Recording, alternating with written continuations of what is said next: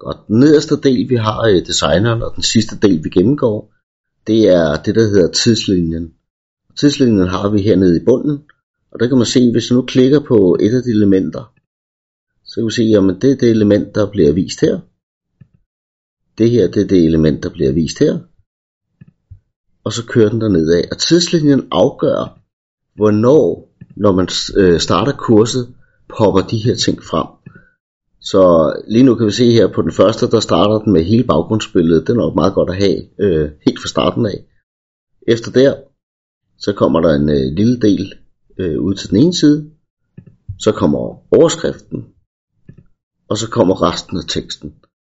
Og så kan jeg vælge at sige, om den der overskrift, den kunne jeg så godt tænke mig, at vi venter lidt med. Og så trækker vi den lidt.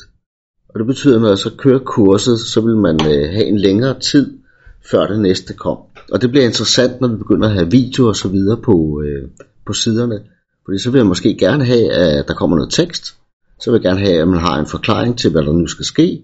Og så det næste, der kommer, det er, så starter videoen. Og den kommer måske først efter halvanden, to minutter.